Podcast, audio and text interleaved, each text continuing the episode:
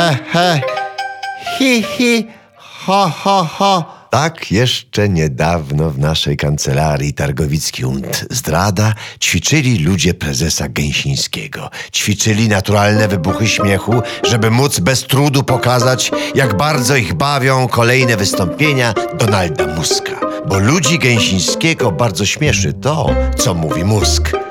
Mają z niego beczkę, oprócz tego, że porównują go do Adolfa. Czyli jednak się go boją. Nie miał złudzeń Tarkowicki. Proste, zgodził się zdrada. Mózg to geniusz zła. Wymordował elity, ukradł najdroższe na świecie autostrady, a co najgorsze, wielokrotnie złoił skórę ludziom Gęsińskiego. Choćby za to już dawno powinien siedzieć. Dlaczego nie siedzi?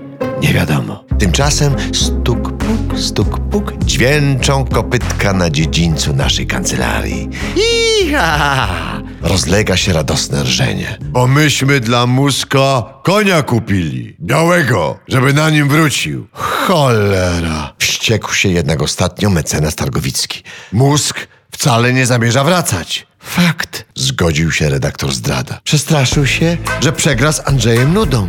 O tym nawet dzieci wiedzą, że okropnie jest przegrać z nudą. Zostaniemy teraz z tym koniem, warknął Targowicki, jak ten znany aktor z angielskim. Donaldzie, larum grają, zawołał zdrada. A ty na koń nie siadasz, szabli nie dobywasz. Co się z tobą stało, żołnierzu? Ija! Za oknem zaśmiał się koń. Cała nadzieja w Grzegorzu Szczecinie. Westchnął Targowicki. Ija! No i z czego się bydle tak cieszy?